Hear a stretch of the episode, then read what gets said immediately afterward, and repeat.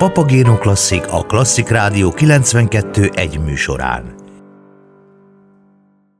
Szabóti Anna József Attila díjas író, költő, égigérő muzsika című mesejátékát láthatjuk a Műpa sátorban december 5-én, amely voltaképpen a téli varázslat kezdete is az ünnepre készülődő családok számára. A zenés darab hétköznapjaink szorongásaira ad jókedvű választ, hogy figyelemmel és szeretettel még a néha kilátástalannak tűnő helyzetek is megoldhatók. Halasi Dániel rendező rendkívüli csapatot állított össze a feladatra. A szereplőket a Lóci játszik zenekar frontembere, Csorba Lóci, és a Farkas Izsák hegedűművész vezette kilenc fő zenekar kíséri majd. Csorba Lóci egyébként nem csak zenei, de színészi tehetségét is megmutatja majd, hiszen többek között Balla Eszter, Paja Bea és Ember Márk mellett ő kelti életre a mese egyik szereplőjét. Az égigérő muzsika karakterei, a meglepő helyzetek, a sziporkázó nyelvi humor, az izgalmas kalandok és a jó zene nem csak a gyerekeknek, de a felnőtteknek is örömteli élmény lehet, főképp mert a történet szereplői klasszikus mese élményeinkből is ismerősek lehetnek, csak most kicsit másképp viselkednek. A várandós, folyton takarító királylány és rímelő párja, a nagy sürgés forgásra csak legyintő királyapuka, a mindent túlaggódó, nem kicsit körülményes boszi, a mesei jellemüket nem megtagadó háziállatok és a születendő trónörökösök igazi kalamajkát hoznak össze. A mesejáték írója Szabó T. Anna 1997-ben szerzett tanári és előadói diplomát, majd elvégezte az angol reneszánsz és barokk PhD programot. Tagja, majd később néhány fél évig tanára volt az Ötvös József kollégiumnak.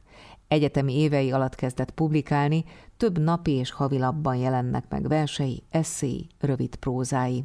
Első kötete 1995-ben jelent meg.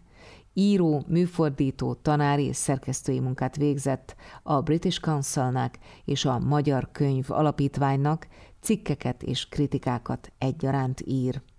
Verseit angolra, németre, franciára, hollandra, szlovákra, oroszra, bolgárra és román nyelvre is lefordították.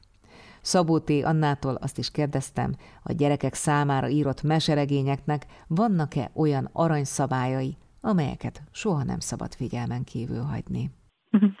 Igen, én nekem az életem nagyon sok szintéren zajlott, tehát az egyik ugye az otthon, és a másik pedig a nagyvilág, és az otthonban volt szerencsém két gyerek mellett létezni hosszú éveken át, tehát ők már úgy azért nagyjából megnőttek, és a meseírás hozzájuk kapcsolódott, tehát egy olyan életszakaszt fémjelzett, amikor nekik is írtam. Most került át a gyerekírás a nagyvilág elé, hiszen most már tudom, hogy a közönségen nem elsősorban, vagy leginkább nem a saját gyerekeim, hanem a többi gyerek, de ennél a darabnál nagyon-nagyon jó érzés, hogy ez tulajdonképpen egy mesekoncert, ami hiába az én darabom, hiába én írtam, azért egy nagyon erős közös munka, hiszen a zenére komponálódott ez a darab, és a zenével él együtt, azért is ez a címe, hogy égigérő muzsika. Számomra a gyerek irodalom a felszabadításnak a területe. Tehát amikor gyerekeknek írok, akkor ha szorongásaim meg is jelennek esetleg, de mindig az elengedés, a felszabadítás kontextusában. Tehát a gyerekeknek én nem szoktam szomorút írni. Mindennek a vége jó, minden felemel, minden megoldható, minden szép. Tehát, hogy alapvetően a gyerekeknek ezt az élményét, az életörömöt szeretném tovább sugározni a felnőttek felé is, akik a gyerek irodalmat felolvassák, ebben részt vesznek, bizonyos szempontból társalkotók a felnőttek, hát hiszen egy olvasni nem tudó gyereknek a felnőtt mondja el, hogy mi az értelme annak, amit lát a képeken. Ezúttal pedig az alkotótársak, a színészek voltak maguk, tehát a zenészek, a színészek nagyon nagy élmény, hogy ők hozzáteszik a saját játékaikat az én játékaimhoz. Ebben a darabban szerepel boszorkány, szerepel király, király kisasszony, de szerepel kutya, macska, nagyon ismerős mesebeli és valóságbeli karakterek, de a helyzet az bizony a mostani helyzetre reflektál, illetve ezt próbálja megközelíteni, a mostani vírushelyzet szorongását próbálja oldani egy valóságtól elemelt történettel, tehát nem itt és most játszódik, hanem egy királyi udvarban. Ennek a szorongását az abszurditás megmutatásával lehet csökkenteni. Tehát, hogyha látjuk, hogy viccesek vagyunk bizony, tehát olyanok vagyunk, mint egy bábszínházban ágáló karakter, akkor talán rálátunk magunkra, és nem veszük annyira komolyan nem a helyzetet, hanem önmagunkat ebben a helyzetben. Van két állat is benne, amit a Vitáris Iván és Horváth Kristóf és Színész Bob alakít, egy reppert és egy hippit, egy kutyát és egy macskát, és ők viszont az állati létnek a, az örömét, a játékosságát, a szabadságát mutatják meg, kedvessége, vigasza is megjelenik ebben a darabban. Bőzsönyi Anna Petra segített nekem az ötletelésben és a dalválogatásban. Volt olyan dal, amit nem is ismertem ezek közül, és a dalok mentén fűződött fel a darab. Tehát minden előadó hozza a legismerte vagy a legkedvesebb dalát, mint például Lócinál a Nem táncolsz jobban, mint én.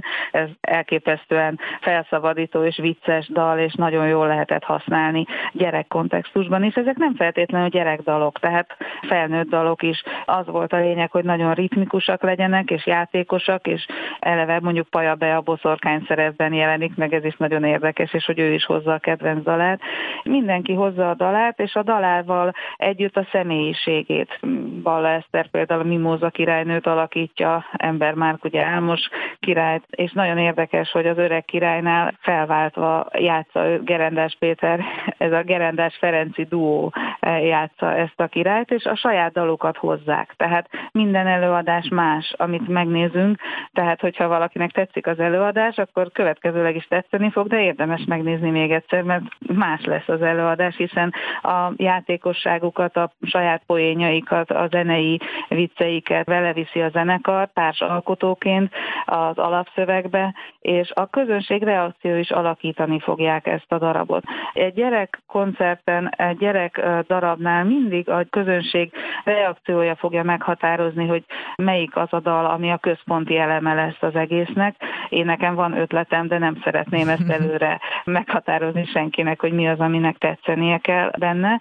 Most zajlanak a felújító próbák, mert ez tavaly már egy digitális formában megvalósult ez az előadás, de hát a Covid miatt teljesen lehetetlen volt élő közönségnek bemutatni, és most az élő közönség fogja a dalokat ünnepelni, és a dalokat felragyogtatni és a szereplők is úgy fognak reagálni, és arra fogják a hangsúlyokat helyezni, ahogy a gyerekek kérik, ahogy a közönség jeleket ad. Úgyhogy ez lesz a nagyon izgalmas benne, hogy látni a főpróbát, most következik a főpróba hamar, a felújító próbák során, és látni a közönség előtti előadást nagyon várom.